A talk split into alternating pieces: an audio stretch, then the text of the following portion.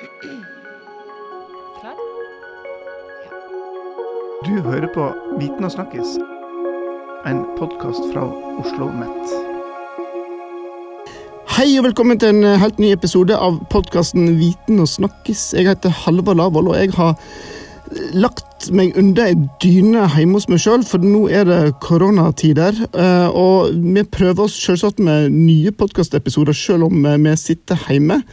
Så med meg eh, på en eller annen form for linje, kan vi vel si, så har jeg Tale Skjølsvik. Hei, Tale. Hei, så koselig å være hos deg. Ja. Jeg føler nesten at det er under dyna di, men Ikke si det høyt, da. nå har jeg gjort det. Men du, du, du sitter da ikke under dyna, men du har funnet deg en fin plass på kjøkkenet ditt, ser jeg. Ja, det har Ja. jeg. Det er heimekontoret som er din nye realitet. Det er det. Du, Tale, du er da prodikan på eh, Fakultet for teknologi, kunst og design. og eh, Har en doktorgrad i strategi fra BI, og så en lang, fin CV. Og så har du vært gjest før i podkasten og snakka om eh, ja, digitalisering, digital transformasjon osv. Husker du det? Det begynner å bli en stund siden nå. Det var vel eh, Var det ved sommeren? Rundt sommeren, kanskje? Ja, noe sånt. Og så- reis- og så har du et kurs som heter Digital transformasjon, er ikke det det? Digital transformasjon og ledelse. Det er Stemmer. Ja, det går jo fort unna med digitaliseringen nå, Håvard. Det Ja. Ja. Ja, akkurat det jeg tenkte å, høre litt med deg om. fordi Du har jo reist rand og stand rundt for å snakke om at vi skal digitalisere oss, og hvordan vi skal gjøre det. Og så sier det bare svisj, svasj, svosj, og så må alle digitalisere seg i løpet av veldig kort tid. Er ikke det veldig rart? Det er, eh, det er jo veldig rart, og så er det jo veldig trist. Og så er det jo ganske sånn spennende også, for det skjer jo veldig mye på kort tid nå. Det føles jo litt som det er noe sånn digitalisering på steroider eller et eller annet sånt nå, kan man si. Ja. Eh, Men, men, la oss begynne med deg. Du, du sitter nå da hjemme og, og er prodekan for ditt eget kjøkken. Hvordan fungerer det? Eh, Det fungerer sånn at eh, vi har ganske mange møter, må jeg innrømme. Eh, I dag tror jeg jeg har hatt kanskje sammenhengende møter i sånn seks-syv timer på nettet. Så det går veldig som man blir jo man blir jo liksom sliten på en annen måte, syns jeg. For man, liksom, man sitter veldig sånn intenst og følger med i møtene og på disse. Og så har man gjerne noe annet man liksom ser på, så man liksom driver liksom og multitasker litt og prøver på en måte å jobbe veldig effektivt. da. Så det går jo bra. Så vi møtes en gang om dagen, har vi møttes fram til nå. eh, Hvor vi har liksom beredskapsmøte, og så er det en del andre møter man må ta og følge opp forskjellige studenter. Vi har et ph.d.-program. Hva skjer med de studentene? Um, og så er det mange ting. Det er liksom mange ting å tenke på som vi aldri hadde tenkt på før. Så det er ma utrolig mange sånne Det oppstår liksom situasjoner du ikke hadde uh, tenkt at skulle komme, liksom. Så det er litt uh, Det er liksom utfordrende. Og så tenker man jo en del på at det er utrolig Det er veldig rart, for når man sitter hjemme, så tenker jeg at jeg ser for meg deg fortsatt sitte på Oslo Met på podkaststudio. altså, men så plutselig så går det opp for en at alle sitter jo liksom hjemme nå og er masse studenter som er alene kanskje hele dagen og sitter på hybelen sin. Og, så man har litt sånn ekstra sånn Hva gjør vi med de? Og man har liksom veldig mange forskjellige tanker eh, oppi det, da. Så det er liksom mye å tenke på. Ja. Men, men en ting er at du finner ut av en måte å jobbe på fra, fra ditt kjøkken, men hvordan går det med måte, alle de, de ansatte på fakultetet ditt, altså de som underviser og, og de som holder på med administrasjon, finner de ut av denne nye måten å jobbe på? Jeg syns det er helt utrolig, egentlig, hvordan det her går. Altså, jeg er utrolig imponert over folk. Og hva folk gjør, og spesielt masse faglærere som er kreative og prøver å finne på nye måter å gjøre ting på, og tar utfordringer på strak arm og stiller spørsmål. og vi har jo hatt ekstremt god kommunikasjon mellom instituttledere som spiller inn ting, og, og liksom forskjellige bekymringer folk har. Så jeg føler at liksom kommunikasjonen i organisasjonen har gått veldig bra. Eh, samtidig så ser jeg veldig denne utfordringen med sant, det å ha foreldreansvar når man samtidig skal prøve å løse forskjellige eh, oppgaver. Vi snakket akkurat litt i stad om at liksom, nå er det andre folk som spiser middag. Eller? Det er, det, er, ting som skal skje hele tiden. Da, og, det, og, så skal man forske, og så skal man undervise, og så skal man prøve å hjelpe barn på hjemmeskole. Og, så det er veldig sånn um, det er, på, det er, veldig mange ting å forholde seg til samtidig. Og nå har det bare gått ikke sant? det har gått 10-12 dager, eller noe sånt, og, og, folk holder jo trykket oppe og prøver sitt beste. Men etter hvert så begynner kanskje Man blir jo sliten av det etter hvert. Så, sånn at, så, så, det er noe med på kort sikt, og så er det liksom litt mer på lang sikt hvordan man, hvordan man løser det. da. Men jeg er utrolig imponert over eh, liksom samarbeidsvilje, evne, løse ting. Eh, det syns jeg har vært eh, veldig, veldig bra å se. Mm. Um, ja, det jeg tror jeg mange eh, opplever. Eller blir litt sånn overraska over at det, det, det, var ikke så vanskelig heller, kanskje? Nei. Det tenkte jeg, ikke sant. Det, det vi kommer til etterpå, det er en sånn, har sånn barriere med ting. Men nå, det som er litt bra nå, da, det er at nå får man jo lov til å nå kan man liksom teste på litt sånn lavrisiko, fordi folk vet at alle må prøve noe nytt. Og går det litt skeis, så er det ikke folk er ikke sånn, har ikke så høye forventninger heller. Det er litt sånn at bare vi får noe undervisning, så er vi jo glad. ikke sant? Så det er, det er litt sånn at jeg tenker at folk er litt mottakelige for at folk prøver og feiler. Så sånn sett så er det ganske, ganske fint, da.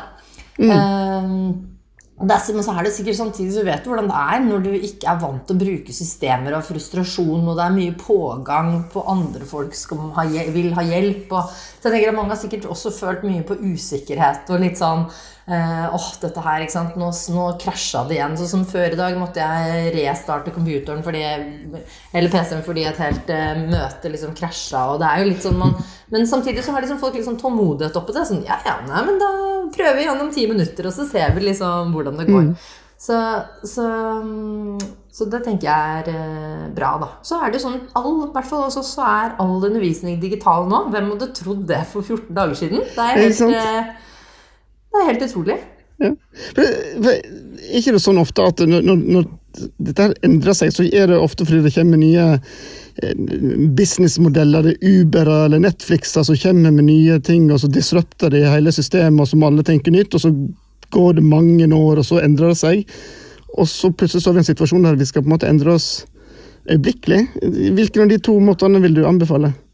Det som jeg tenker nå er sånn litt interessant, så Jeg driver og jobber med et sånt innlegg som jeg skal ha neste uke. Eh, sånt webinar, og Da er det noen ting med liksom disrupsjon, om den kommer innenfra, eller om det er liksom et utenfra sjokk. Det som er nå, er jo at du står mot et, eh, liksom, et, sjokk som er utenfor oss, som har mange andre implikasjoner. Altså dette med at vi må digitalisere undervisning er jo egentlig en liten ting i forhold til hva vi ser liksom, på helsevitenskap som faktisk står oppe i situasjoner med liv og død. Så jeg tror at vi ser, hele, vi ser ting litt mer i perspektiv også, da. Eh, og da får man jo en annen sånn endringsvilje, tenker jeg. At ok, eh, vi gjør dette her, og vi får til dette. At det blir en mer sånn positiv enn at du blir på en måte presset av noen andre Uh, som et forsøk på endring. Nå tenker jeg at vet du hva, dette her bare må vi. Det er ikke noe, er ikke noe valg. Så det blir et, å sammenligne de situasjonene er litt sånn vanskelig. Jeg skulle ikke ønske at folk hadde en sånn, et utenforstående sjokk som kommer inn og liksom får folk til å endre seg. Eh, men nå er det litt sånn som at vi har liksom en felles ekstern fiende som er bitte, bitte, bitte liten og består av er et lite virus.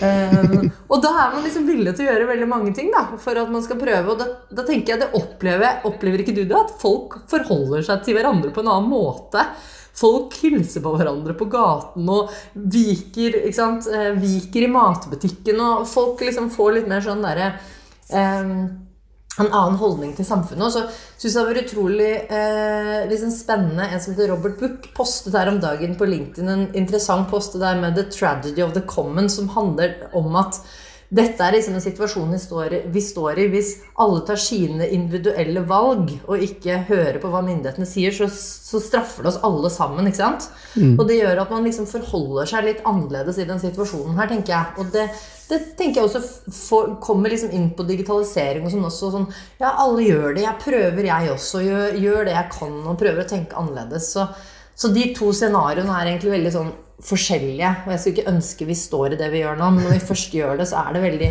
interessant og spennende å se hva slags implikasjoner det får.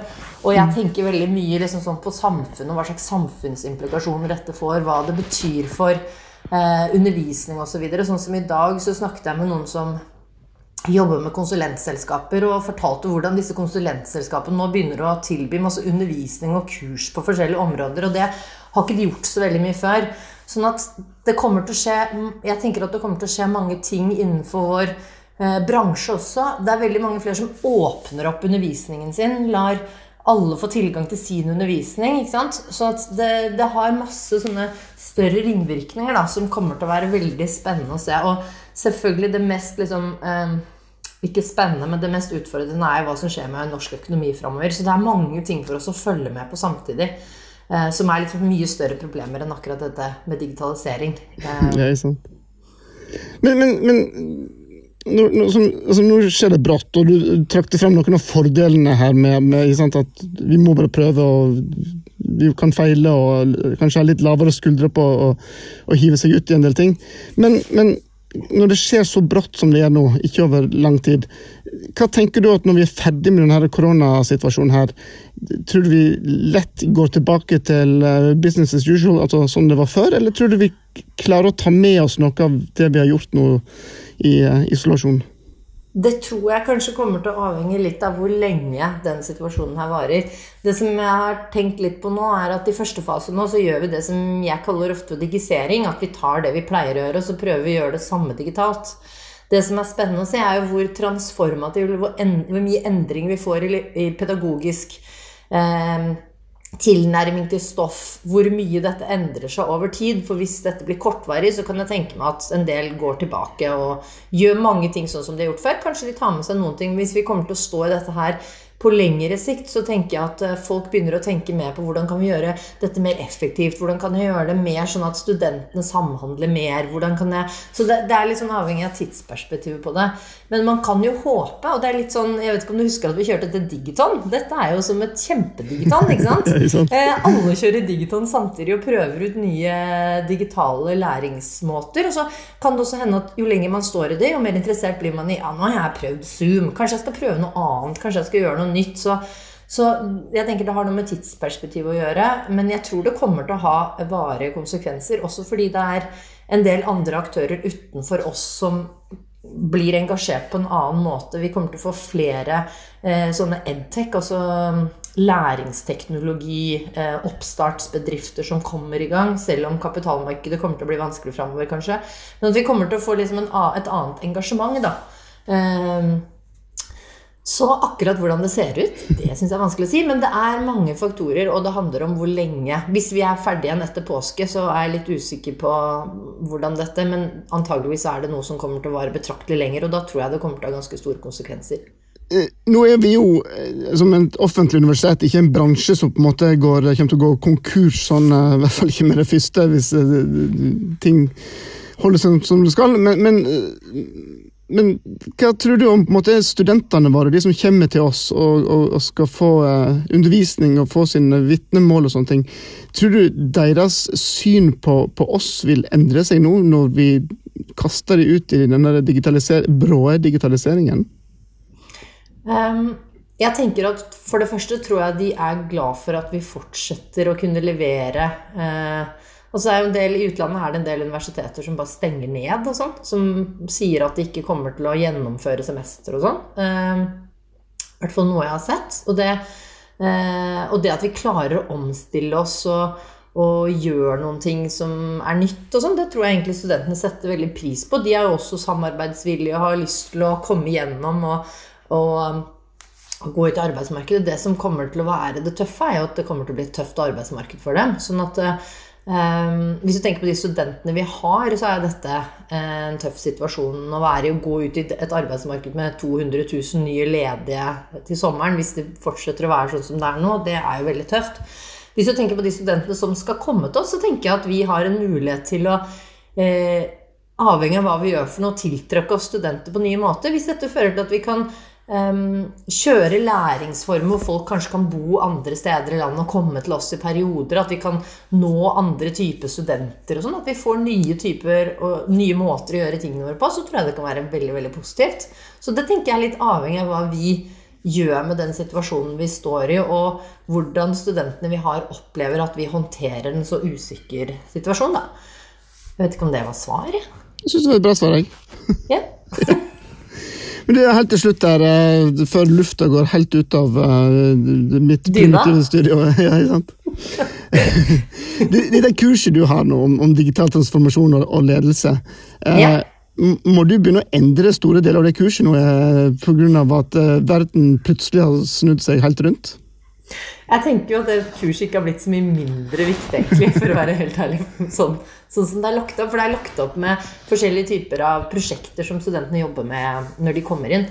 Um, men det er klart at kanskje man bør tenke på en annen måte at uh, de som kommer inn, kanskje har en annen kompetanse enn det de hadde før. Og det, da bør man jo tilpasse seg. Samtidig har jeg vært så fascinert over at veldig mange av de som har tatt det emnet, er folk som jobber mye med digitalisering fra før og vil møte andre. Og nå tenker jeg at det er veldig mange flere som vil møte andre. Er, vi trenger mye flere sånne eh, samhandlingssteder hvor folk kan diskutere og, og?